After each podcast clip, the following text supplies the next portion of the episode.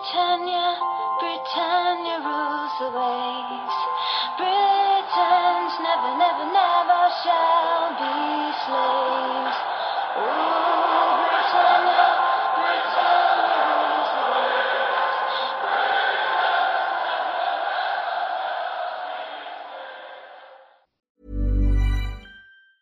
This Mother's Day, celebrate the extraordinary women in your life with a heartfelt gift from Blue Nile. Whether it's for your mom, a mother figure, or yourself as a mom, find that perfect piece to express your love and appreciation. Explore Blue Nile's exquisite pearls and mesmerizing gemstones that she's sure to love. Enjoy fast shipping options like guaranteed free shipping and returns. Make this Mother's Day unforgettable with a piece from Blue Nile. Right now, get up to 50% off at BlueNile.com. That's BlueNile.com. Rule Britannia, Britannia rules the waves. Britons never, never, never shall be slaves. Rule Britannia, Britannia rules the waves.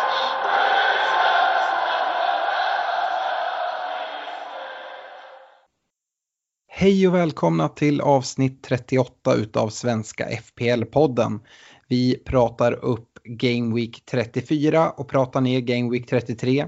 Vi spelar in idag, tisdagen den 9 april. Och agendan för dagens avsnitt är som följer. Vi börjar med interntävlingen och går vidare och tittar på laggenomgången där vi följer upp lagen och tittar på vilka spelare som kan vara intressanta framåt. Sen efter det så vet jag att eh, du Stefan och många med dig planerar att dra sitt wildcard här i 34. Så av den anledningen så tänkte jag att vi skulle ta ut varsitt wildcard-lag du och jag. Jag kommer ta ut ett wildcard-lag där jag inkluderar Agüero och du kör ett utan. Så får vi jämföra dem och prata lite hur vi har tänkt, vilka spelare som kan vara av intresse. Vi kikar även in i poddligan där vårt kära poddlag fortsätter att avancera och nu börjar vi känna lite vittring på topp 10. Eh, det känns härligt. Vi ska även följa upp vårt wildcard som vi drog i eh, poddlaget. Vi presenterade det i förra, förra podden och eh, ja, men det gick bra. Vi fortsätter avancera här och totalt är vi nere på typ plats 3000 i världen så det, det är väldigt, väldigt fint.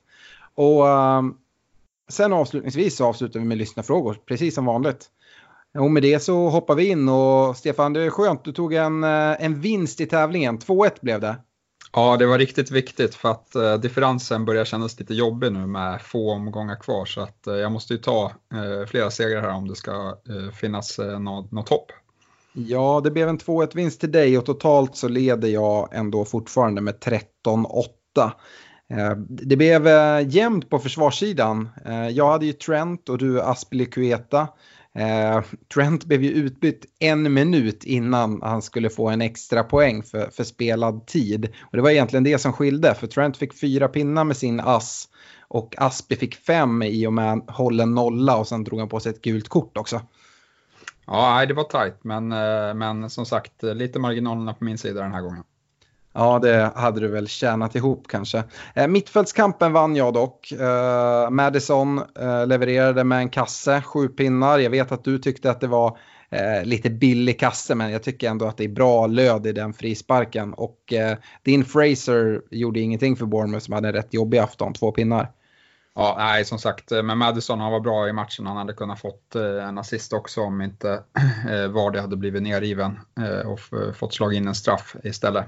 Eh, Ja, så- dessutom så hade ju Madison fler lägen på, på mål. Jag tror Hamer gjorde någon räddning med ansiktet och, och sådär. Så att eh, ja, det, det fanns, var ändå sju poäng med mer smak tycker jag. Ja, nej, Bournemouth de levererar inte alls eh, helt under isen här. Så det var, det var inget bra val i tävlingen så här i efterhand.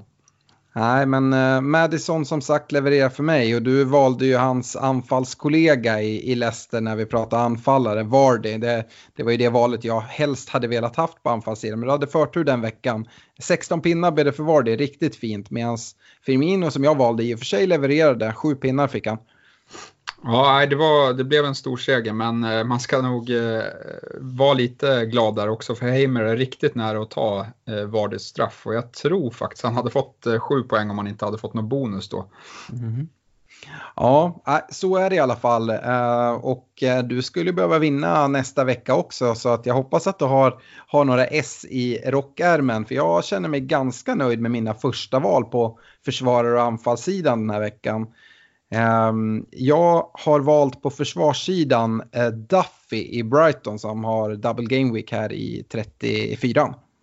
Ja, det, det tycker jag är ett eh, fantastiskt bra val. Jag, jag tror ju på honom. Eh, så därför måste jag ju chansa på någon som kan eh, inte bara hålla, hålla, nollan utan även få offensiva poäng. Eh, och mina tankegångar har gått eh, att jag väljer mellan Trippier och Digné i Everton. Eh, men valet landar ändå på Trippier i, i Spurs. Ja, de möter ju eh, tröstlösa Huddersfield. Eh, så ja, det, det finns väl goda chanser till offensiva poäng där. Eh, mittfältssidan då, Stefan, där har du förtur. Jag vet att du har haft lite, eh, lite bryderier kring vem du ska välja där. Ja, jag tycker det finns många bra val, men Champions League och grejer ställer ju till en hel del bekymmer här eh, med tanke på rotation och så. Jag har ju redan valt Sterling en gång och gått bet på honom. Frågan är om man ska ta honom igen.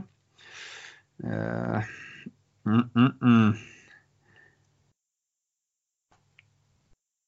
Nej, men eh, det har gått bra nu när jag kört en annan taktik här så eh, jag, jag går loss på, på Sigurdsson här på mitten faktiskt. Okej, där ser man. Uh, jag kommer gå på en spelare som spelar Champions League ikväll faktiskt. Men inte i City, utan jag tänker gå på dansken, Christian Eriksen. Uh, hoppas på fin leverans där mot, uh, ja, som sagt, hopplösa Huddersfield. Ja, jag förstår hur du tänker. Det, både Son och Eriksen fanns med i mina tankar också här på mitten. Jag tycker det är ett riktigt svårt val att behöva ha. Det känns i alla fall som att Eriksen är väl den mittfältare i Spurs som riskerar minst rotation. Jag tycker inte att de har någon riktig ersättare där. Nej, det håller jag, det håller jag med om. På anfallssidan så kör jag Spurs där också för det blir Harry Kane såklart. Ja, eftersom du tar Kane så kommer jag inte ta Vardy som jag också tror på, utan jag måste ha någon som, för jag tror så pass mycket på Kane också, så jag måste ha någon som eventuellt kan trumfa honom och då får det landa på Glenn Murray i Brighton. Okej, du går på en dubbelvecka där. Jajamän. Tror du verkligen att han kommer spela båda matcherna? Han har startat tydligen, jag läste statistik, han har startat 14 av 15 hemmamatcher för Brighton, så jag får väl hoppas att, eh, att eh, den eh, trenden fortsätter här. Ja, dubbelveckan. Han, ja, jag vet inte. Hans kondis är väl inte eh, på topp. Men vi får se helt enkelt. Det blir, spännande. Jag skulle väl säga att jag har ett visst övertag där med Kane trots att uh, Brighton har dubbla matcher. Uh, absolut, absolut. Nej, det, som sagt, jag hade hellre haft dina val den här veckan, känns det som. Nej, men du, har, du skulle faktiskt behöva en 3-0 här, känner jag. Då helt plötsligt står det 13-11 och är match. Ja, jag är nöjd med en 2-1 den här veckan. Skulle jag, skulle jag, då skulle jag faktiskt vara nöjd. Ja, en 3-0 till mig så mm, då är det nästan, eh, kan vi nästan börja förbereda för straffet. Ja, inte alls bra.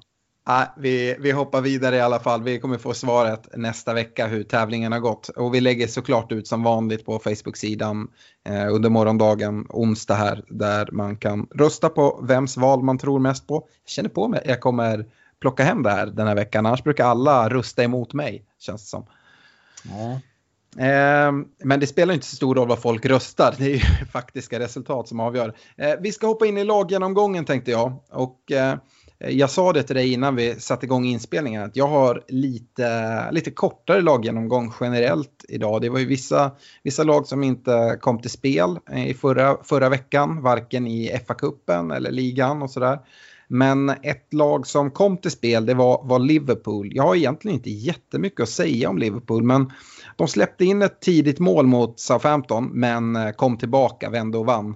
Och eh, det, det, man mest kan ta med sig från den här matchen det är att Salas måltorka äntligen blev bruten. Han eh, satte dit en kasse efter en kontring och han sprang med bollen hela vägen och mot slutet när alla förväntade sig att han skulle släppa ut den till sidan, om det var Firmino som kom där, tror jag, så tar han ett avslut som sitter inte i stolpen. Det är väldigt fint avslut. Jag tror nog att Eh, skulle, skulle den gått utanför så tror jag det var väldigt många som hade varit irriterade över att han tog avslutet. Det naturliga vore nog att kanske släppa ut bollen. Men nu, nu sitter bollen och eh, det tror jag kan vara väldigt viktigt för Salah. Eh, vi får väl avvakta och se innan man drar allt för stora växlar. Men jag tror att det skulle kunna vara en sån här där man ser eh, en, en vändning för Salah. Precis vad han behöver i sitt självförtroende. Eh, och eh, det kommer ju nu lagom till folk börjar dra sina wildcard och jag tror det är många som har tänkt gå utan Salah för han är så dyr. Men eh, ja, jättesvårt att veta hur, vad det kommer innebära och Eh, det kan vara så att det nästan kan bli en form av differential bland, eh, inte att det är en ägarandel under 5% men att mot många, många toppkonkurrenter att man sticker ut att gå på Sala istället för Mané. Men då får man ju offra någonting någon annanstans. Eh, precis som jag nämnde i tävlingen så blev Trent utbytt i 59 minuten men han hann ändå med en assist. Så um, ja, det, det var egentligen det jag hade att säga om, om Liverpool. De har ju inga double game weeks eh, överhuvudtaget, det har vi vet, vetat en längre tid. Salah blev ju även med det målet snabbast i Liverpools historia att eh, nå 50 mål för klubben. Eh, något som kanske har eh, tyngt lite att han ska slå det där rekordet eh, senaste tiden. Mm, jag tror det är väl bara Alan Shearer och Van Nistelrooy som har gjort, eh, kommit upp i eh, de målen på lika kort tid. tror jag. Yes, ja, men jag fortsätter med, med titelkonkurrenten Manchester City. Då. Eh, de har ju ett späckat schema med en dubbelomgång i Game Week 35. Eh, spelas Champions League eh, nu mot eh, Tottenham eh, och har en FA Cup-final att se fram emot. Så här kommer man ju kunna räkna med en hel del rotation. Eh, men jag tycker väl inte att det är skäl nog för att undvika City eh, då de trots allt slåss om titeln och har ett eh, överkomligt schema här på slutet av säsongen. Någonting som kanske talar emot det lite är ju att fyra av de här sex matcherna som de har kvar är på bortaplan.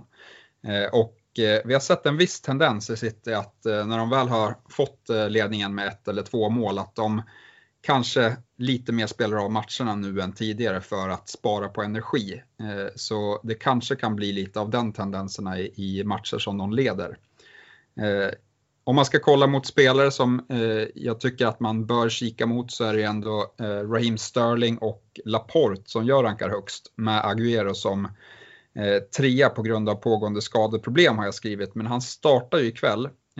Så han är ju frisk nu eh, och det skulle jag säga att flyttar upp honom eh, ett snäpp närmare de två andra. Eh, annars har jag skrivit att Bernardo Silva och Ederson är outsiders, men Bernardo Silva missar ju kvällens match och jag har inte sett någon rapport om varför, men det borde vara en sjukdom eller skada som ligger till grund för det. Så han kanske försvinner ur den diskussionen och Ederson får räknas som en outsider som är säker på sin plats. Ja, och det kan man lägga till den Bernardo Silva, han är ju inte ens med i matchtruppen. Så att eh, vi kommer ju förmodligen få svar på det här eh, redan, redan senare ikväll eller under morgondagen. Det kan ju röra sig om en sjukdom eller så, eller om det är någon, någon skada som gör att han blir borta ett tag. Eh, skulle det vara så att det är en skada så öppnas ju chanserna upp för mer speltid för eh, kanske Mares, Sané eh, och, eh, och Sterling då såklart. Eh, ja, det nämnde ju inte jag när jag gick igenom Liverpool kan vi säga det. De spelar ju också Champions League-match ikväll eh, mot Porto. Jag ser att de precis har tagit ledningen. Nabi Keita, ass av Firmino. Eh, vi ska inte live-kommentera hur det går där, men de, de spelar i alla fall nu. Eh, eh, Manchester United då, de spelar ju imorgon onsdag en tuff match mot Barcelona. Eh, de spelade inte i Game Week 33 och nu är eh, i Game Week 34 West Ham hemma som väntar, vilket borde vara en rätt bra match. Men formen i United känns lite sådär. Eh, och eh, inför eh, matchen mot Barca imorgon så rapporterade BBC att varken Matic eller Herrera tränar med laget idag tisdag. Och eh, vi ska även ha med oss att Young och Shaw är avstängda i, i Premier League-matchen mot West Ham eh, på grund av gula och röda kort. Eh, sen så höll eh, Solskär en presskonferens inför matchen mot Barcelona tidigare idag och eh, då pratade han om eh, Matic och Herrera. Han sa att eh, han hoppades att Matic skulle vara redo inför Barcelona-matchen alltså. Så att där finns det lite förhoppningar. Herrera säger han dock är troligtvis inte aktuell. Sen så är det ju två spelare som inte så många i fantasy kollar mot. Det är Valencia och Bailly. De är definitivt borta. Marcus Rashford, han eh, behövde lite extra uppvärmning på dagens träning men förhoppningsvis, förhoppningsvis ska det inte vara någon fara.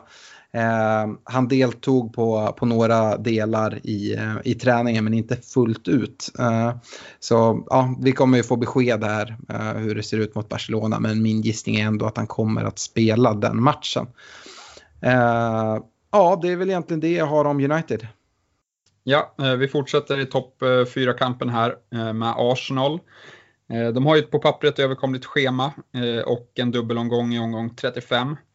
Men det man ska med sig är att Arsenal också har fyra av sex borta, eller sina fyra av sex matcher borta kvar.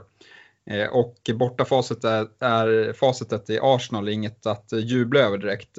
Det är snarare helt uselt då de har två segrar på de senaste 13 matcherna borta. Och de kom mot Huddersfield i ligan och mot Blackpool i FA-cupen. Eh, och eh, dessutom så var insatsen nu senast mot Everton riktigt blek. Och eh, därav så höjer jag väl egentligen ett varningens finger för Arsenal eh, här resten av säsongen. Jag ser ändå Lacazette som, som ett rimligt alternativ, men undviker nog övriga Arsenal-spelare. Och det inkluderar även Kolasinac som vi har pratat upp en del tidigare i podden.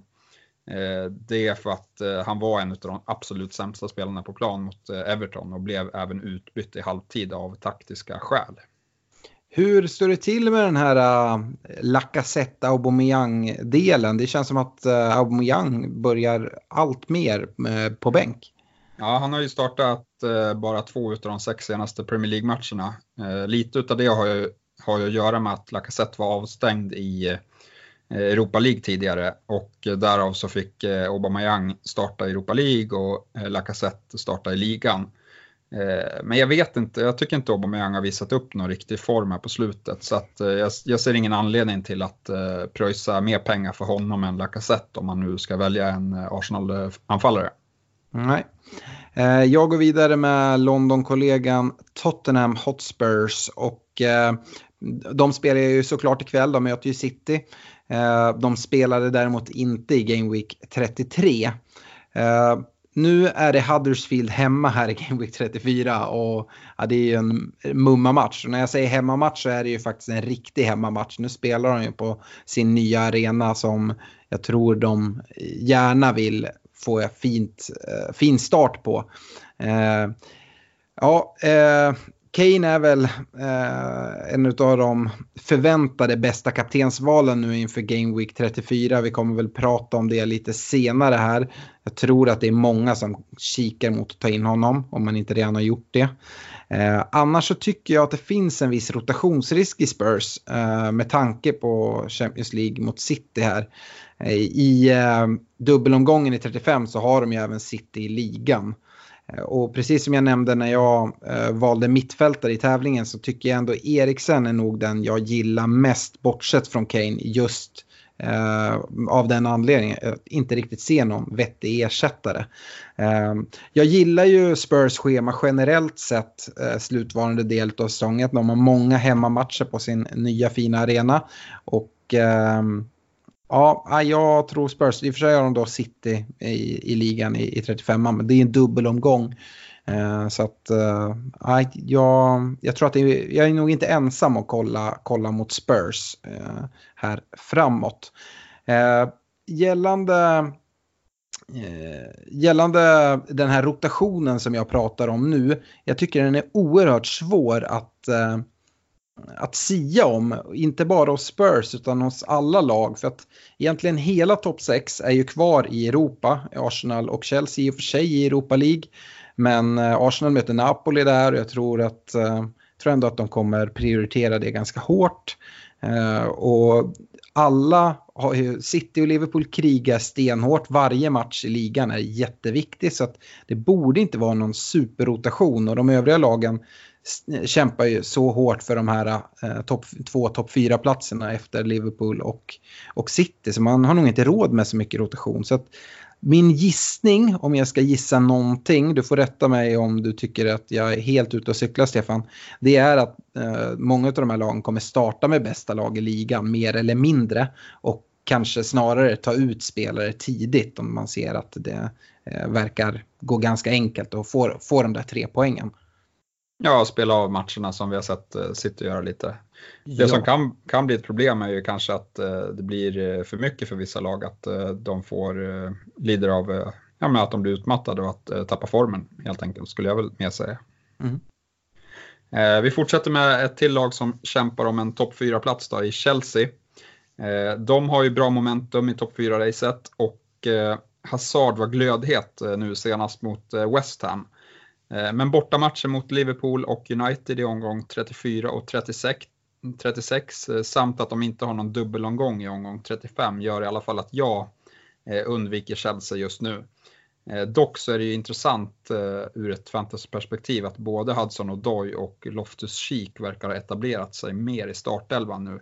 De kanske kan bli intressanta sen mot slutet av säsongen du är ju inte ensam att hålla dig borta från, från Chelsea. Om man ser nu till exempel, trots Hazards glödheta form, så just nu i, i, i, när vi pratar om det här så är Hazard den överlägset mest utbytta spelaren eh, med nästan 90 000 människor som byter ut honom i, i fantasy. Jag tror att det handlar mycket om att frigöra pengar för just Kane som jag talade om tidigare. Eh, jag går vidare med Leicester och då har vi en till glödhet spelare och det är Jamie Vardy.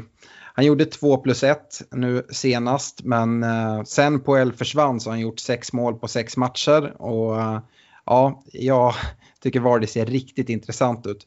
De har ju inte heller någon double game week så jag tror att Leicester är ett lag som kommer undvikas av ganska många som drar sitt wildcard nu. Så att eh, om man inte gör det så tror jag att man stick, kan sticka ut lite med att ha kvar Jamie Vardy i sitt bygge. Dessutom så imponerar mittfältarna. Eh, jag nämnde ju både Madison och Thielemans när vi pratade laggenomgång förra veckan i förra podden. Och eh, ja, Madison pratade vi om, han gjorde ju ett mål. Thielemans gjorde också ett mål här och dessutom så knyckte eh, Thielemans åt sig två bonus. Eh, jag tycker de ser väldigt bra ut men Eh, förra podden sa jag jag håller Thielemans lite före Madison för, på grund av priset. Men sett till senaste matchen i alla fall så var Madison väldigt mycket mer framskjuten positionen Thielemans och kom till flera farliga lägen, både assist och eh, mållägen. Så um, ja, han skulle mycket väl kunna komma ifrån matchen med, med mer poäng. Uh, Harry Maguire missade uh, matchen här i Game Week 33 men det ska inte vara någon oro för det. Han, uh, det var barnafödsel från hans flickvän eller fru, jag vet inte hur det står till där. men så han bör, bör vara tillbaka. Nu schemat för Leicester är väl också någonting som gör att folk undviker eh, Leicester i sina wildcard-lag. men jag tycker inte att det behöver vara jättedåligt. Nu har de Newcastle hemma, det är väl en match som alla tycker är bra. I Game Week 35 som är den stora dubbelveckan, då har de West Ham borta och vi vet West Hams försvar är inte, inte det allra bästa, så borde de kunna göra bra ifrån. Sen möter de Arsenal hemma, du pratade om Arsenals bortaschema det är ju inte speciellt skrämmande och dessutom har Leicester producerat väldigt bra mot topp 6-lagen. Sen så har de de två sista omgångarna i och för sig, eh, jag tror de möter City och eh, eh om det är Spurs, det är något av eh, topp 6-lagen också. Eh, men som sagt, jag, jag, tycker att kollar man de här kommande tre, Newcastle hemma, West Ham borta, Arsenal hemma, så finns det egentligen ingen anledning att börja kasta bort sina, eh, sina Leicester-spelare. Eh, speciellt inte när de visar sån fin form. Jag tror det var ligapremiären förra året som eh, Arsenal vann mot Leicester med 4-3 på, på Emirates och eh, Vardy gjorde två mål då, den matchen i alla fall. Eh, så han, han kan ju göra mål på Arsenal, helt klart. Jag går vidare med ett lag och det är Brighton. Och nu händer det, dubbla dubbelveckor för fiskmåsarna. Eh, tyvärr, får man väl säga, så är ju inte formen den bästa eh, för Brighton. Eh, Gross har dessutom fortsatta skadeproblem och en viss rotationsrisk på topp gör att min rekommendation blir att dubbla upp i försvaret genom att ta in målvakten Ryan och Duffy. Och jag ska väl säga att jag räknar rätt försiktigt med att man minst kommer få Eh, 8 eh, poäng i omgång 34 och 3 poäng i omgång 35 från de här två spel, eller per spelare. Då. Eh, men det finns ju viss uppsida såklart i räddningspoäng för Ryan, offensiv utdelning för Duffy och möjligtvis så kanske de kan hålla 2-0 över de här fyra matcherna som de har nu på de kommande två omgångarna. Ja, framförallt är det ju Game Week 34 som lockar med Brighton då de har dubbla hemmamatcher. Brighton har faktiskt varit hyfsat starka på hemmaplan. Eh, så, och dessutom mot rätt beskedligt motstånd nu eh, i 34.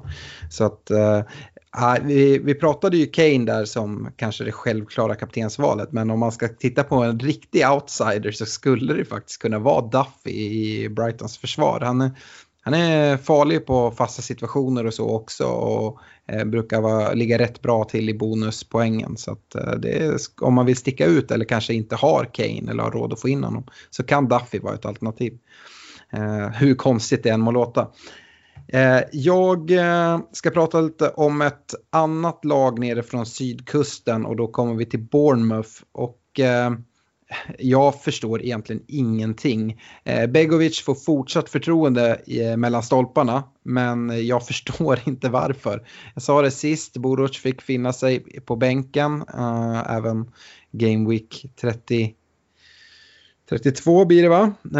Och han får sitta kvar där. Och det, Bournemouth, de, de, tar ju, de får, får, ta ledningen här mot, mot Burnley. Och de får ju spela hemma nu också där de har varit väldigt starka. Men ändå blir det torsk. Eh, mycket tack vare Begovic faktiskt. 1-1 eh, målet som han släpper in ser ut som en riktigt dålig juniorkeeper. När han helt missbedömer en hörna. Dessutom 3-1 mål är det också schabbel av Begovic. Så att nej, jag vet inte how, hur han tänker och ja, de som inte har gjort bytet än eh, kanske kan, kan ha lite is i magen om man törs ha det. För att Boruc borde ju få, få chansen nu här, eh, tycker jag. Eh, Wilson är annars den som kommer till chanserna men lyckas inte förvalta den, den här gången. Eh, spelschemat har vi varit inne på tidigare, eh, att det ser väldigt bra ut för Bournemouth resten av säsongen. Men nu med den här formen så jag känner mig inte alls trygg med, med Bournemouth. De har en vinst senaste nio. Dessutom så har vi pratat tidigare om deras dåliga bortafacit som i och för sig har vägts upp av deras fina hemmafacit. Men eh, nu torskar mot Burnley med 3-1 hemma på Vitality. Och eh, de enda hemmamatcher de har kvar det är dels mot Fulham, eh, vilket i och för sig är en riktigt bra match, men sen mot Tottenham hemma. Så att eh, nej, jag är inte alls så eh, imponerad av Bournemouth och kollar inte alls speciellt mycket mot just dem. Nu, nu när folk drar wildcard och så här, de har ju ingen double game week heller, så att jag tror att det kommer bytas ut en hel del Bournemouth-spelare. Uh, yes, och det gör man nog rätt i. Jag går vidare med uh, Watford uh, och uh, Gracia som faktiskt tippades av många i början av säsongen att bli den första managern att få sparken har nu tagit Watford till fa Cup-final.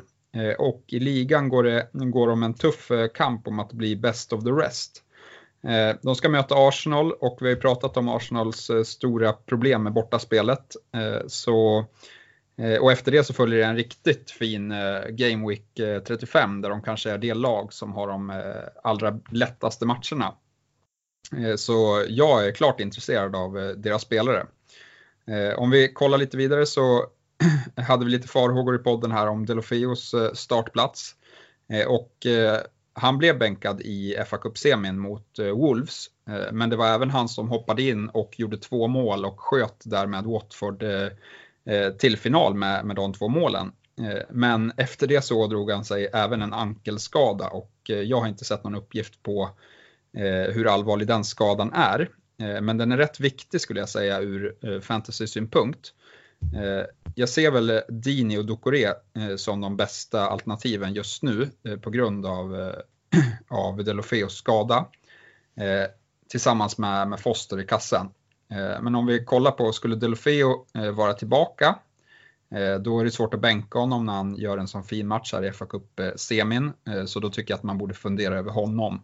Är han dock borta en längre tid så kan man även kika mot Gray som, om man vill sticka ut på topp som har gjort det väldigt bra när han har fått chansen att spela från start. Crystal Palace då. Och jag kan berätta för alla er som lyssnar nu att det är avsnitt 38 ni lyssnar på även om vi kommer upprepa oss något oerhört på Crystal Palace. Sa fixar straff, Milovojevic lägger in bollen i det lediga hörnet från 11 meter. Vi har sagt det så många gånger förut. Eh, straffen är Palace enda skott på mål, men eh, oavsett det så imponerar Wilfred Sa väldigt, väldigt mycket. Han är inblandad i allting och Ja, han har löst så många straffar. Eh, det känns ju som att Milovojevic mycket väl kan vinna skytteligan bara på sina, eh, sina straffar. Eh, Tomkins kliver av med vad som ser ut att vara en rejäl ljumskbristning från den här matchen.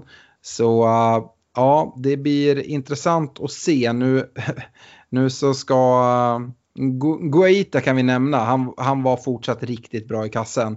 Och det kommer han behöva fortsätta vara. Nu väntar Manchester City här i nästa match och därefter Arsenal. Eh, I kommande, kommande två matcher. Då. Lägg där till då att Tomkins är borta och även den andra ordinarie mitt, mittbacken i eh, Sako eh, lär väl också saknas med hans skada som han har, har dragits med en, en längre tid. Yes, jag fortsätter med Wolves som eh, då åkte ut eh, mot Watford i fa Cup-semin. Det såg ju länge ut som att de skulle få spela om en titel, men Eh, de tappar en 2-0-ledning eh, efter Watford gör eh, mål på straff på stopptid av Dini. Men dock så fortsätter Jiménez, Jota och Doherty att leverera poäng. Allihopa inblandade i, i Wolves två mål i den här matchen. Och det är väl egentligen de spelarna som jag rekommenderar inför Wolves dubbelvecka. Varför kolla någon annanstans? Eh, tilläggas kan man att eh, även Wolves är det enda laget som har dubbla hemmamatcher i omgång eh, 35. Eh, John är en outsider som, som eh, man kan, kanske kan ta in då han är billigare än Doherty. Men personligen är jag lite oroad över rotation på honom då jag tycker att hans ersättare eh, Vinagre har imponerat, i alla fall på mig när han har fått chansen att spela. Mm. Jag ska prata om Burnley som gjorde det sjukt starkt mot Bournemouth eh, senast. Det är faktiskt endast fyra lag som har vunnit på Vitality denna säsong. Dessutom tog ju Bournemouth tidigt ledningen efter ett självmål av Barnes. Eh, det är väldigt viktiga för Burnley i kampen om fortsatt Premier League-spel nästa säsong. Och apropå viktiga poäng så väntar nu Cardiff hemma i Game Week 34. Men sedan väntar ett riktigt grisschema med Chelsea borta, City hemma, Everton borta och Arsenal hemma. Därför håller jag mig borta från Burnley. Men så här i slut slutändan av säsongen så tycker jag även att när man ska välja spelare så är det viktigt att tänka på vilka lag som faktiskt har något att spela för. Vi har nämnt det, alla topp 6-lagen har väldigt mycket att spela för.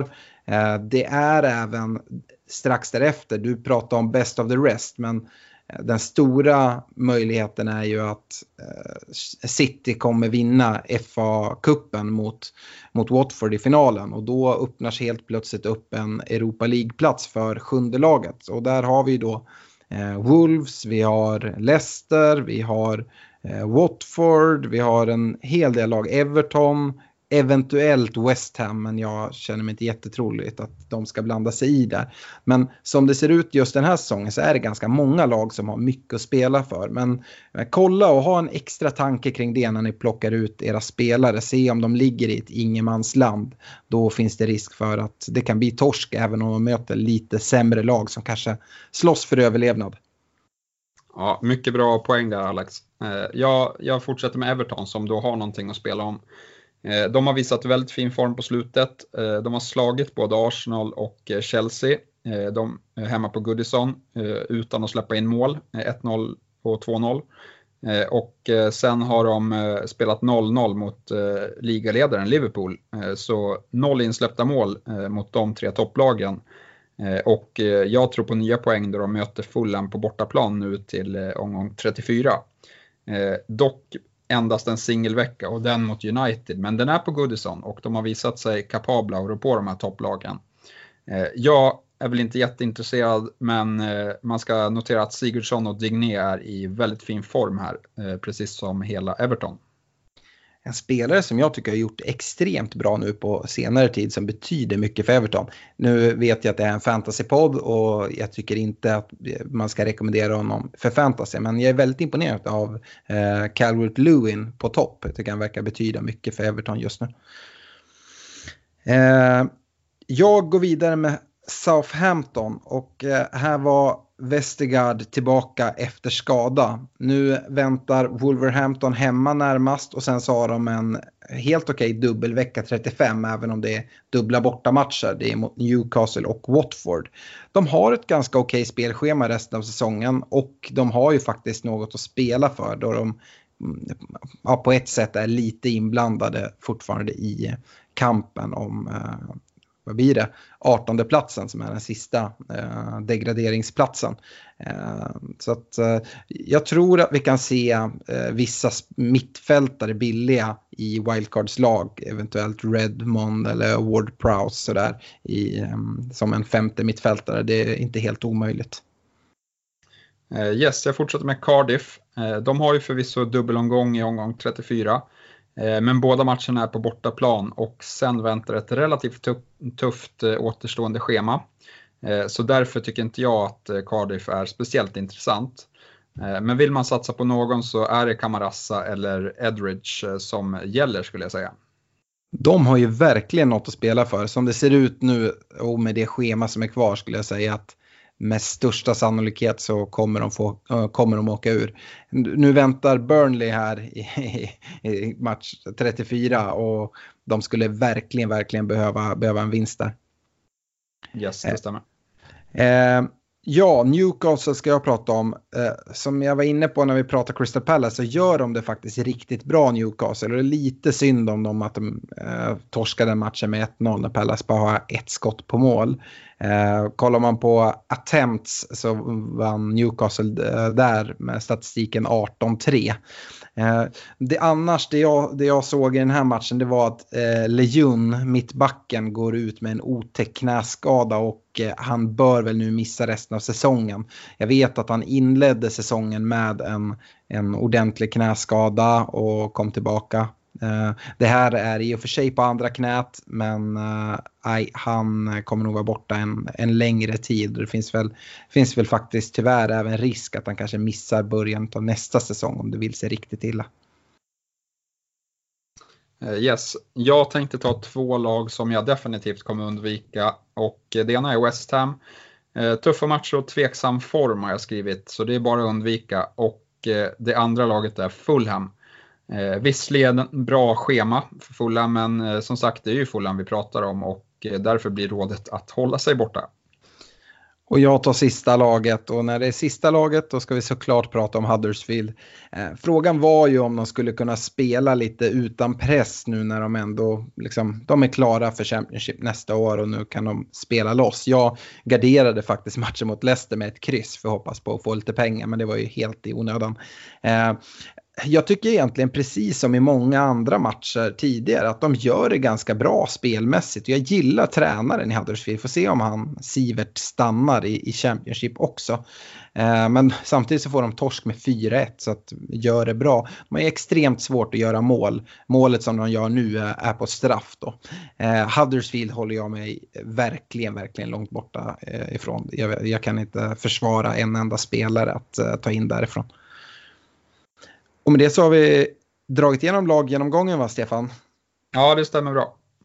Och då har vi ju utlovat att prata lite wildcard nu eh, i 34 och vi har ju eh, tagit ut varsitt wildcard-lag eh, och egentligen de som drar wildcard nu antar jag sitter kvar med eh, bench boost som man då planerar att använda i Game Week 35. Så de wildcard-lag som vi har tagit ut är med tanke på att spela bench boost i Game Week 35, även fast det såklart ska vara ett vettigt lag nu till Game Week 34. Och jag tyckte det var ganska enkelt att få ihop ett eh, rätt så bra lag. Jag har tagit ut ett lag eh, med både Kane och Agüero på topp. Eh, och du har väl inte med Agüero om jag förstår det rätt? Nej, precis. Eh, jag, jag har en draft med Agüero också och eh, vi får ju, jag kommer ju självklart eh, avvakta fram till deadline eh, på fredag eh, innan jag gör mitt riktiga beslut i mitt eget lag. Men det här laget känns väldigt bra på pappret som jag har tagit ut och det innehåller ingen Aguero. Mm. Ska jag börja då? Och vi börjar väl längst bak. Det finns väl ganska stor chans eller risk till att vi har valt samma målvakter. Med tanke på Game Week 34 så vill man ju ha Ryan i kassen. Men även då Foster i Watford har jag valt. Ja, eh, 50 eh, samma målvakter. Mm. Eh, jag har Ederson istället för Foster. Mm. Eh, annars så har ju som sagt eh, Watford rätt fin, fina matcher i, i 35an så det är så jag har tänkt. Eh, såklart Ederson, du har ju lite mer pengar när du, när du inte behöver lägga pengar på Agüero på topp så jag antar att det kanske är därför det finns möjlighet att eh, spendera lite pengar och strö ut dem över de andra platserna. Eh, ja men det stämmer bra. Plus att eh, jag vill ändå ha tre från, från City och eh, det är svårt att hitta tre som är, som är givna. Mm. Eh, i, ja, det kan jag väl nämna då, för Game Week 34 så är det självklart Ryan som jag ställer i kassan, kassen i det här wildcard-laget. Eh, går vi vidare och kollar i försvarsleden så har jag fem försvarare där jag inför Game Week 34 väljer att ställa upp med tre försvarare. Det är ju såklart Duffy i Brighton med dubbel, dubbelschema. Eh, men även Doherty och Kolasinac har jag skrivit. Jag tog ut det här laget innan, eh, innan Arsenal spelade mot Everton. Men jag får stå kvar vid det. Jag hoppas att han ska behålla sin plats. Eh, det är de tre spelare som planerar för 34. Och de jag har med till Game Week 35 är Kiko Feminja i Watford och Valeri i Southampton.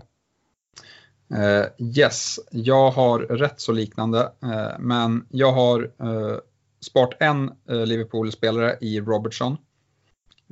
Men i övrigt så resten av mina spelare kommer ha dubbelvecka i omgång 35 och i backlinjen så återfinns Duffy, eh, Laporte, Doherty och Valeri. Är, är din tanke med det här då att ha kvar Robertson i 35an eller är det för att du vill ha honom i 34an? Hur, hur Nej, jag, jag kommer behålla honom resten av säsongen. Mm. Eh, och det, det, här är lite, jag har gått ifrån mitt privata när jag har eh, byggt det här så att eh, jag har väldigt mycket uppbyggt värde i Robertson. Då har jag haft han från omgång ett. Så att, men det är inte, jag tycker inte att det är inte bara därför utan jag tycker att deras schema ser fint ut. Såklart Chelsea-matchen kan väl gå lite hur som helst men jag, jag rankar ju Liverpool som favoriter. Och i dubbelomgången så ska de möta Cardiff eh, och det kan mycket väl bli höga poäng från Robertson om Liverpool håller nollan där. Ja, vi kan väl nämna det inför Game Week 34 också med Robertson att han är ju faktiskt avstängd i det här första Champions League-mötet nu mot eh, Porto. Så att han bör ju komma utvilad och fräsch till Game Week 34 i alla fall. Ja, det är ett ytterligare plus eh, med honom. Yes. Uh, går över på mittfältet och uh, om jag säger samma som jag sa i backlinjen. Jag kommer starta i Game Week 34 med ett fyrmanna mittfält. Och det kommer vara med Sterling, Eriksen, Son och Jota med en stark uh, bänkspelare i Ducoré i Watford. yes. Jag har inte riktigt kollat på vilka jag skulle sätta på planen på bänken så men mm. Eh, de jag har i laget är i alla fall eh, Sterling, eh, Eriksen och Son, så två Spurs-spelare där. Jota och James Ward-Prowse. Det är exakt lika mittfält alltså förutom att jag har Ducoré istället för James Ward-Prowse. Ehm, och min forwardslinje är ju som sagt nästan avslöjad i att jag har Kane och Agüero. Men jag har även eh, Raúl Jiménez i Wolves. Och istället för Agüero så har jag eh, Troy Dini. Och eh, han är rätt sugen på att spela eh, med i, i omgång 34 mot Arsenal.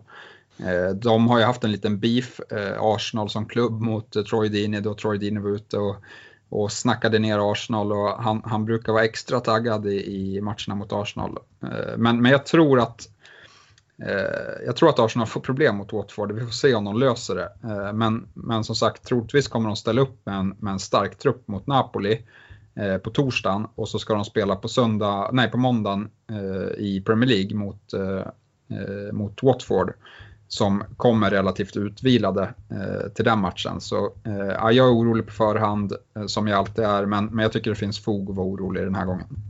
Mm. Eh, våra lag skiljer sig inte jättemycket åt skulle jag säga. Du har en dyrare målvakt i Ederson uh, i och för sig, men annars så tycker jag att vi har ganska jämlika lag med skillnaden att jag har Aguero uh, eh, på topp istället för Dini. Uh, jag, jag gillar faktiskt det här laget som jag har tagit ut. Nu kommer inte uh, jag verkligen varken kunna ta det i, i mitt privata eller i poddlaget. Vi har gjort av med alla våra chips nu. Eh, så, men jag tycker att det ser eh, rätt vast ut faktiskt. Och även, till, även om jag har haft fokus på Game Week 35, alla mina 15 spelare har, har dubbelomgång i Game Week 35. Så är laget 34 riktigt bra skulle jag säga. Ryan med dubbelomgång, Duffy med dubbelomgång, Doherty och Kolasinac i backlinjen som ändå eh, jag tycker har, har bra matcher. Eh, Sterling, Eriksen, Son och Jota på mittfältet om man inte vill spela Dokore, vilket jag tycker man definitivt kan göra istället för någon annan spelare. Eh, och sen Jiménez, Agüero och Kane på topp. Eh, jag tycker det ser ja, riktigt starkt ut faktiskt. Yes, uh, ja, jag, jag, jag, tycker också att det, det är bra. Uh, min draft med Agüero, då får jag offra Eriksen och Ederson, sätta in Foster och eh, Ducoré eller Delofeo eh, och då har jag råd med Agüero på topp. Så vi får se vad som händer. då. Eh, jag måste även, jag kommer i alla fall även kolla på hur jag ska få in eh, tre Liverpool-spelare i omgång 36 på bästa sätt. Ja, det är någonting som eh, många wildcard-lag kommer ha lite problem med tror jag. Eh, det är då Liverpool möter Huddersfield. Uh, och um, ja, det blir intressant att se hur Game Week 35 kommer arta sig. Jag tycker den är lite läskig. Nu så tänker, planerar inte jag för benchboost där, men jag tror vi kan se en del rotation. Lite beroende på hur de här första matcherna i Champions League uh, spe, utspelar sig. Om det kanske kan vara avgjort i vissa matcher och att man i andra matchen tar lite, uh, roterar lite, lite smått. Uh, men annars finns det stor, stor chans eller risk också när det, att det kan bli lite rotation. Därför gillar jag Kane också för att jag tror att han är helt immun mot rotation. Uh, ska vi prata kaptensval då för 34 samtidigt nu? Vi har ju sagt det, Kane är väl den som ska, ska lyftas med all rätt men eh, tycker du att man är helt knäpp i huvudet eh, om man eh, kollar mot Duffy som har den här dubbelveckan? Nej, det tycker jag faktiskt inte. För att eh, först ska de möta Bournemouth eh, som är helt under isen. Eh, och sen ska de möta Cardiff och skulle det vara så att Cardiff förlorar sin första match mot Burnley eh, då känns det väldigt, väldigt svårt för dem att klara sig kvar. Eh, och ja, det skulle kunna vara matchen där de eh, matematiskt eh, blir uträknade faktiskt. Mm. Jag har faktiskt inte bestämt mitt, i mitt privata lag. Jag kommer ha Kane i, i mitt bygge. Eh, men jag är lite sugen att sticka ut där och sätta binden på Duffy. Eh, vi får se om jag har, eh, eh, de, har modet för att verkligen stå för det. Eh, det är risk att det kan bli ett rejält magplask. Men skulle det vara så att eh, Kane av någon konstig anledning blankar mot Huddersfield. Det kan ju som sagt vara att ehm, de, de avgör tidigt och byter ut Kane och så han får vila inför Champions League. Eh, så att ja, det är svårt alltså tycker jag. Ja, jag, jag instämmer. Jag, jag tror att, som jag sa, jag tror att Duffy kommer plocka åtta pinnar minst. Och det kanske det kanske är bra, bra nog med ändå att man har en uppsida på att han kan göra ett mål eller en assist på en fast situation. Eller i drömsituationen att de ska hålla två nollor eh, och att han ska blanda sig i bonusdiskussion och grejer. Ja, ser du någon annan spelare som kan blanda sig i en kaptensdiskussion? Nej, jag vet inte. Det, det är alltså City har ju möter ju ett Crystal Palace som är skadeskjutet där bak. Det kan ju bli en del bollar, men så, jag tror ändå att City kommer, om de leder, att de bara kommer rulla boll och eh, vara nöjda med det. Eh, så därför tycker jag väl inte det känns jätteintressant. Jamie Vardy är i superfin form. Eh, man kan väl också kaptena en, en eh, Spurs mittfältare, men där är det också lite mer rotationsrisk skulle jag säga. Mm. Vi, eh, vi lämnar wildcardet där. Det kommer komma en del frågor sen när vi går till lyssnarfrågor. Men innan dess så ska vi kika in i poddligan och hur topp tre ser ut. Och där är vi inte riktigt med poddlaget än, men vi närmar oss. Eh, vi eh, såg eh, Alexander Meltoft behåller ledningen. Eh, ganska, ganska eh, hyfsat god marginal. Han har 2136 poäng och Eh, 18 poäng före tvåan som är Alexander Rosén. Eh, Meltoft tog 79 pinnar eh, den här gameweeken och eh, Rosén 75. Och eh, på tredje plats hittar vi Tommy Mross på 2114 poäng. Han tog 78 pin, eh, pinnar.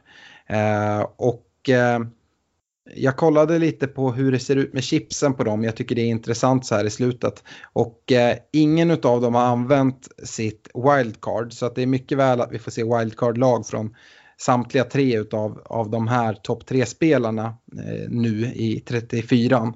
Eh, Meltoft har dock använt sitt sin bench boost. Eh, han har använt bench, bench boost och free hit och eh, Alexander Rosens på andra plats har bara använt free hit hittills. Så att han sitter med eh, en hel del chips kvar. Eh, Tommy Mross har använt free hit och triple captain. Så jag tror att han, han kan i alla fall se dra ett wildcard den här veckan och sen en bench boost i 35an. poddlaget då? Jo, eh, vi tog ungefär samma poäng som topp tre där, så vi tog inte in speciellt mycket. Men eh, vi tog på övriga spelare. 76 pinnar blev det. Average den här omgången var faktiskt nere på 36 pinnar. Eh, vi ska ju gå in på exakt hur poängen fördelades när vi kollar på wildcard, eh, wildcard-laget som vi eh, som vi till slut valde. Eh, men först tänkte jag säga det, vi ligger totalt på 2073 eh, pinnar. Och vi gick i poddligan från plats 21 till plats 15. Så topp 10, nu får ni börja se upp och kolla bakåt mot poddlaget för nu kommer vi. Eh, vi gick eh, totalt i världen från plats 4600 ner till 3200. Och det är faktiskt en riktigt bra eh, placering. Nu har vi gjort av med alla, alla chips. Men bygget ser bra ut och känns redo här för sista omgångarna. Så att eh, vi får se om vi kan avancera lite till eller i alla fall behålla den här placeringen vi har just nu. Ja, vi tar väl sikte på en annan Alexander som har varit med uppe i toppen och slagits mycket i Alexander Myran som ligger på tionde plats. Dit har vi 19 poäng. Ja, absolut. Det är kul nu när man börjar komma upp där eh, runt topp 10 och man börjar möta de här vi har pratat om under hela säsongen som har legat med där, eh, där uppe. Jag tycker det är kul att passera dem en efter en. Så nej, det är härligt. Eh, vi kan väl säga det att vi har inte gjort några byten här inför Game Week eh, 34. Däremot så har vi vissa planer. Eh, det som vi lutar åt, som väldigt många andra har gjort, det är att ta ut Hazard för att frigöra kapital och få in Kane. Och då åker förmodligen Hazard och Wilson ut som det ser ut just nu. Och då kommer Kane in såklart och Hazards plats fylls förmodligen utav Ducoré i, i Watford. Um, eller hur Stefan, det finns väl mycket som, som pekar på att det kommer bli de bytena. Ja, eh, det gör väl det. Eh, vi kommer väl kanske avvakta några dagar till här, eh, eventuellt. Vi får väl se, men, eh, men Kane känns ju i alla fall som att han ska in. Eh, mm. Och då, det innebär att Hazard måste lämna. Eh, så, så, mycket, så mycket är vi helt på det klara med. Ja. Eh, Wildcard-laget då som vi nämnde tog 76 pinnar. Egentligen så kan man väl korta ner det och säga att det är tre, tre spelare som gav oss poäng. Eh, Guaita i kassen tog 10 pinnar, jättefint. Eh, vi hade kaptensbindeln på Hazard, även om du var tveksam hela veckan Stefan och sa så här, nej fan vi skulle ha satt den på någon annan. Så tog ju Hazard till slut eh, 16 pinnar som dubblades och då blev 32 med kaptensbindeln. Eh, och sen så hade vi ju Jamie Vardy på topp som tog 16 pinnar så att där har vi egentligen våra, våra poäng. Sen är det lite små poäng här och där. Ja, det var väl egentligen bästa kaptenssättningen på hela säsongen där både kaptenen och vice kaptenen plockar in 16 pinnar. Mm. Nej, det är riktigt bra.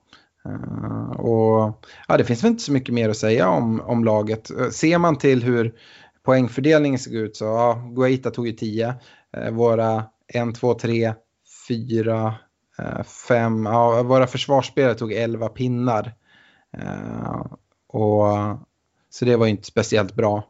Uh, mittfältet tog 37 men det var ju 32 av dem från, från Hazard.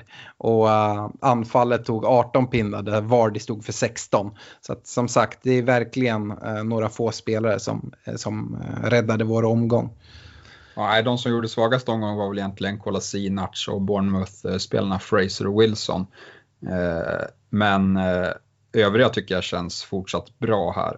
Mm. Och vi funderar ju på att dumpa Wilson Eh, Eh, till fördel för Kane. Ja, eh, med det så tycker jag vi hoppar in i lyssnarfrågorna innan vi stänger ner veckans podd. Vi, Martin Svensson har hört av sig och han är inne så här, wildcard är aktiverat. Vilka är de spelare man inte får missa? Nu har vi varit inne på och dragit vårt wildcard-lag så där har du ju väldigt mycket. Eh, men om det är några spelare som jag tycker liksom, de måste nästan finnas med. Då ska väl Kane nämnas. Eh, dels för att få in den här i 34 mot Huddersfield men även, även framåt. Och sen tycker jag att man bör dubbla upp i Brighton med, med Duffy och, och eh, Ryan. Det, det är de spelare som jag säger liksom, jag inte kan se att man kan gå utan i ett, i ett eh, wildcard-lag nu i 34.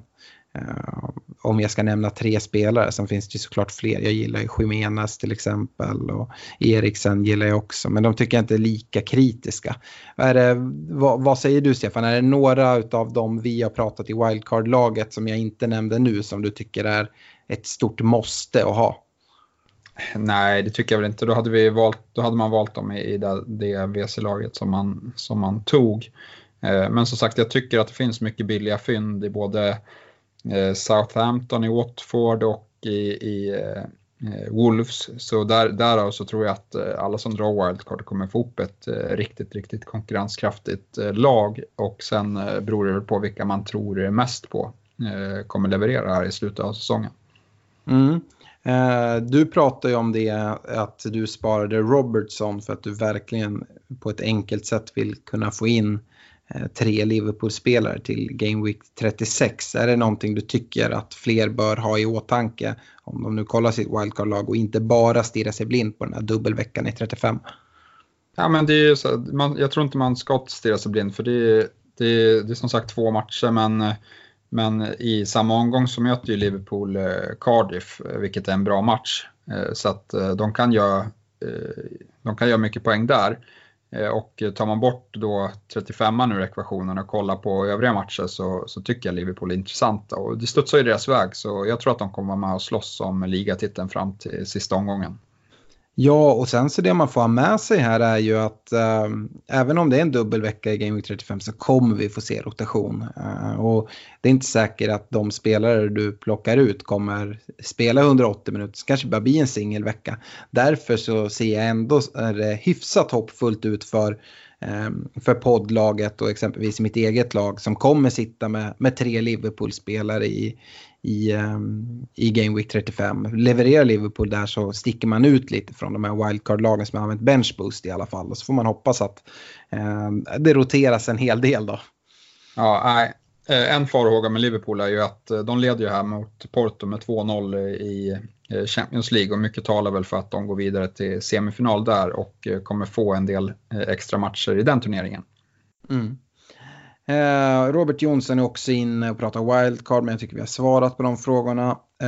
Viktor Victor Vikander, han undrar om ett annat chip. Han sitter kvar med sin triple captain och eh, undrar när det bästa triple captain-tillfället är. Han har några förslag här, Stefan, så får du eh, säga vad du tycker. Jag, jag nämner ett, ett förslag åt gången för att säga om du tycker det verkar vettigt eller inte. Och sen så i slutet får du avgöra vilket du tycker är allra bäst. Vad tror du om det?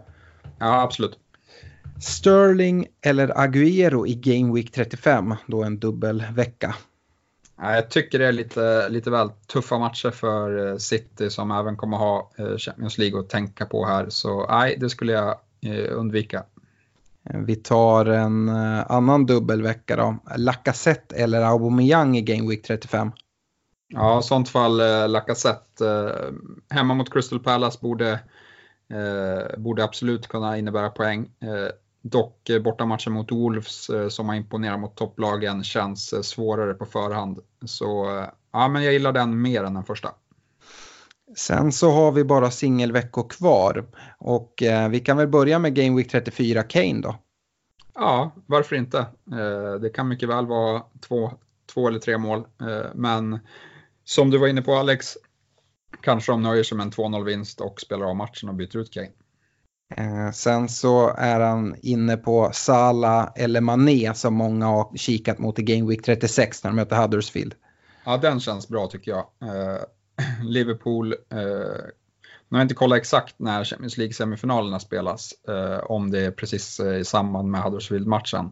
Oh, det är bara där i anslutning. Ja, så jag, ska kasta in ett, kolla upp det, men om det är så att det är någon vecka före eller efter så, så, så gillar jag den absolut. Eh, Hazard i Game Week 35. Det är en single Game Week för, eh, för Chelsea i, i 35an. Eh, de möter Burnley hemma. Eh, Ja, jag, gillar, jag gillar att kasta in dem på dubbel, dubbelveckorna och eh, om jag skulle välja singelveckor så ska det nog vara mot eh, Huddersfield eller Fulham. Mm. Eh, och sen så sista då, Pogba eller Rashford i Game Week 37 eller 38. Eh, United har ju väldigt fint, det är ju singelveckor, eh, men United har ju väldigt fina avslutande två matcher. Eh, de möter ju eh, i 37an så möter de Huddersfield borta och i 38 möter de Cardiff hemma. Det borde vara matcher där varken Huddersfield eller Cardiff har något att spela för, skulle jag gissa. Ja, det stämmer bra. Eh, det stämmer bra. Det kan absolut vara ett alternativ. Det är lite långt fram för att säga om vem som man eh, ska kaptena där. Eh, jag tycker väl att Lukaku med nuvarande form kanske också kan vara med i en sån diskussion i United. Mm, och det är de som han har nämnt. Och sen så kastar jag upp en outsider och det kastar in triple captain här i Game Week 34 på Duffy i Brighton. Ja, varför inte? Eller Jimenez i omgång eh, 35 här, dubbla hemmamatcher. Mm. Men om du måste välja en av de här omgångarna, eh, vem, eh, vem sätter du binden på? Och triple captain. Som han nämnde. Mm. Ja, men jag, nu, jag har Ja, inte kollat eller, upp men, eller om du har någon annan som du tycker är bättre. ja, eh, ja, men eh, Kane har ju bra möjligheter i, i eh, omgång 35 också, skulle jag väl säga. Ja, men jag, jag gillar väl jag gillar Jimenez triple captain i omgång 35. Den gillar jag. Mm. Ja, ja absolut. Eh, vi vi eh, hopp, eh, önskar Viktor lycka till och hoppas att han väljer rätt läge. Jag tror att han kommer välja ett bättre läge än mig i alla fall när jag fick en poäng på Sané. Eh, Fredrik Norrström har en lång, eller faktiskt flera frågor, men eh, väldigt bra frågor. Han skriver så här. Många av oss som inte har kvar vårt wildcard kommer att köra ett så kallat fattigmans wildcard i Game Week 34. Eh, och det jag tror han menar med det är att man gör ganska många byten, kanske tar lite minus. Eh, och här finns ju lite olika strategier skriver han. Eh, att få in Kane känns ju givet. Men vem skeppar man av Hazard, Sala och Agüero? Ja, Hazard tycker jag.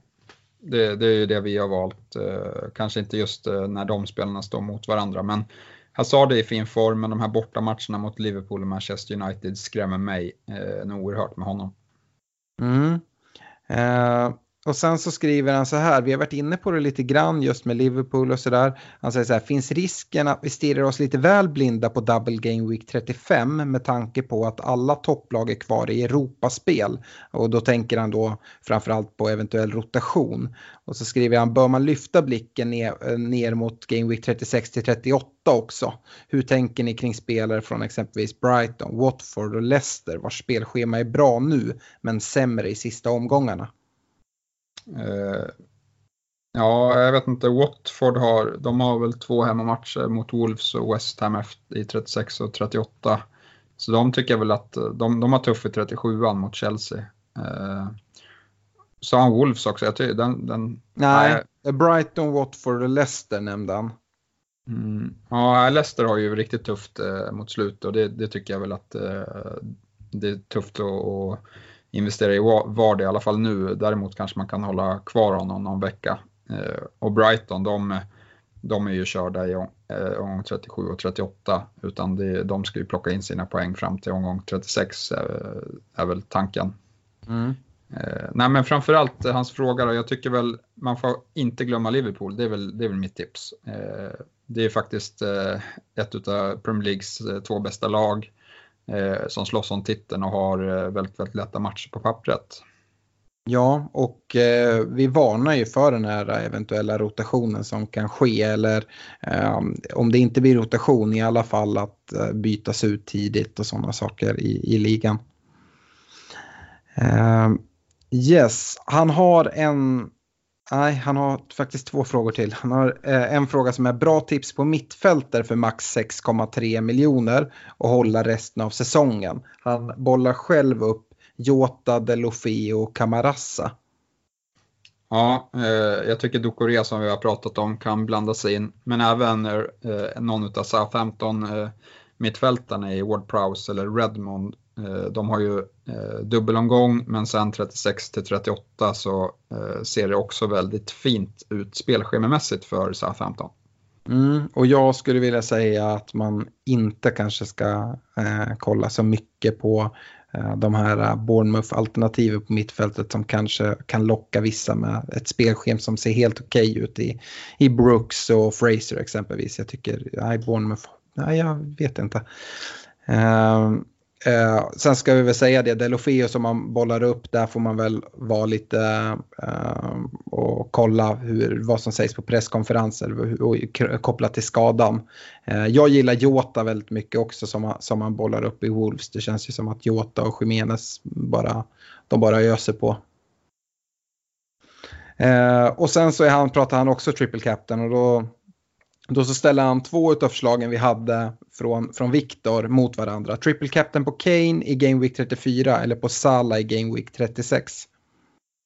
Ja, jag får återupprepa mig där att jag vet inte hur Huddersfield-matchen eh, infaller för Liverpool eh, med Champions League i åtanke, men annars gillar jag den bättre än, eh, än Spurs. Matchen mm. mot Huddersfield. Precis. Uh, vi kan väl kolla ganska snabbt tror jag hur, uh, hur den ser ut för uh, schemat. Jag, jag har, har det sparat här hur schemat med de eventuella semifinalerna kommer, kommer att se ut. och då ser vi. De spelar fredag 26 april mot Huddersfield i alla fall. 26 april mot Huddersfield. Då har vi eh, schemat för eh, egentligen hela Big Six, men jag ska kolla, kolla Liverpool specifikt. Eh, då har eh, Precis, Champions League-semifinalen första matchen spelas antingen tisdag eller onsdagen efter, alltså den 30 april eller den 1 maj beroende på eh, hur, det, hur det lottas.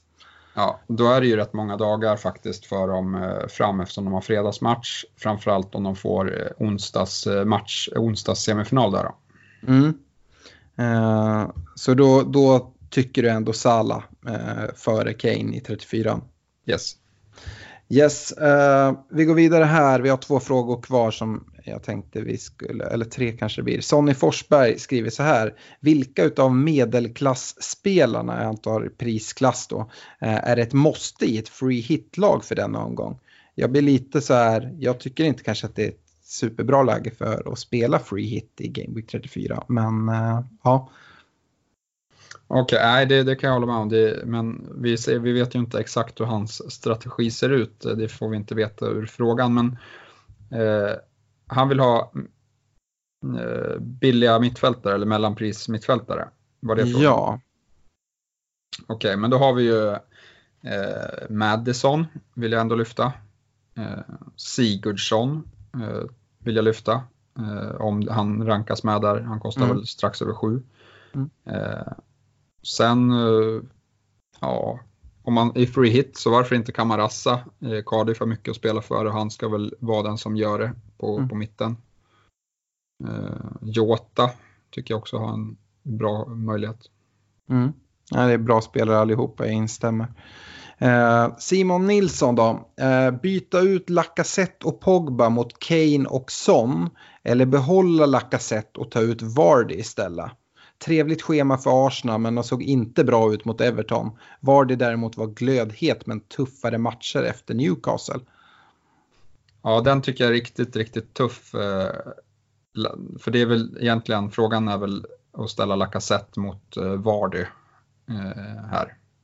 Ja, eh, han pratar eh, antingen skriver han ju byta ut Lacazette och Pogba mot Kane och Son. Eller ja, det, behålla... tycker jag, det tycker jag är väldigt bra. Ja, eh, eller behålla Lacazette och ta ut Vardy istället. Innebär det då att han inte får in Kane, då gillar jag ju inte det. Nej, det låter som att han kan välja vem man ska ta ut mellan Lacazette och Vardy för att få in Kane och Son. Tycker ja. jag, så tolkar jag frågan.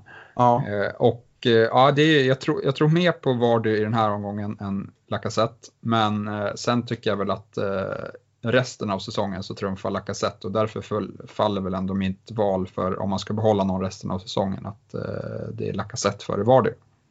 Mm. Så hoppas i så fall att Arsenal får igång sitt bortaspel. Eh, och sista frågan här då från Chris Karlsson. Eh, ha kvar Hazard eller inte? Det är så svårt att släppa en het spelare. Absolut, eh, ja, det instämmer jag med. Eh, eh, och ja, det är, det är svårt men eh, nej, jag vet inte med de matcherna, jag ser inte hur han ska kunna ta eh, överdrivet mycket poäng. Det är klart att han kan leverera, eh, men jag tror inte att han levererar både mot Liverpool och mot Manchester United. Utan sånt fall kanske en av de matcherna. Och sen får vi se. Det, mot Burnley och Watford hemma, där kan han absolut göra bra ifrån sig. Men det, det, man får kolla lite på vad man kan få in för de pengarna som uh, man får när man byter ut Hazard och väga det mot ja, och ha kvar Hazard och vad man har då, skulle jag säga. Det, det, är inte bara Hazard utan det finns så många bra billiga mittfältare här inför omgång 35 som gör det spännande och kanske lägga lite mer pengar på sina forwards. Nej, jag, jag, jag, tycker generellt sett att det är lite konstigt att byta ut en spelare som är så här glödhet. Men som sagt, spelschemat talar emot och eh, han är den mest utbytta spelaren och det är ju av anledning inte för att man vill bli av med Hazard utan för att man vill frigöra pengar för, ja men framförallt Kane skulle jag säga. Eh, så att ja, jag, jag, jag har gjort det i mitt privata lag. Vi kommer att göra det i vårt eh, i vårt poddlag med största sannolikhet. Så att eh, eh nej, jag, jag tycker att eh, Hazard får nog, eh, får nog kliva åt sidan eh, för stunden. Sen får vi se i efterhand om, om det var bra eller inte. Men nej, det, är tuffa, det är tuffa bortamatcher nu. Uh, yes, och där uh, är vi klara med veckans avsnitt. Vi kan väl nämna det uh, också inför inför Game Week 34 nu att eh, vi även, även den här veckan ha en fredagsmatch. Så att deadline är för byten och sätta i ordning lag är fredag klockan 20.00. Eh, Leicester och Newcastle startar omgången eh, på fredagen redan. Så eh, se till att sätta i ordning era lag innan dess. Och eh, jag önskar er stort lycka till och eh, jag hoppas att vi när vi kommer tillbaka här kan räkna in poddlaget ännu närmare topp 10 om vi inte redan har slagit oss in där. Yes, absolut. Stort lycka till till allihopa inför Game Week 34. Vi hörs nästa vecka. Yes, hej då!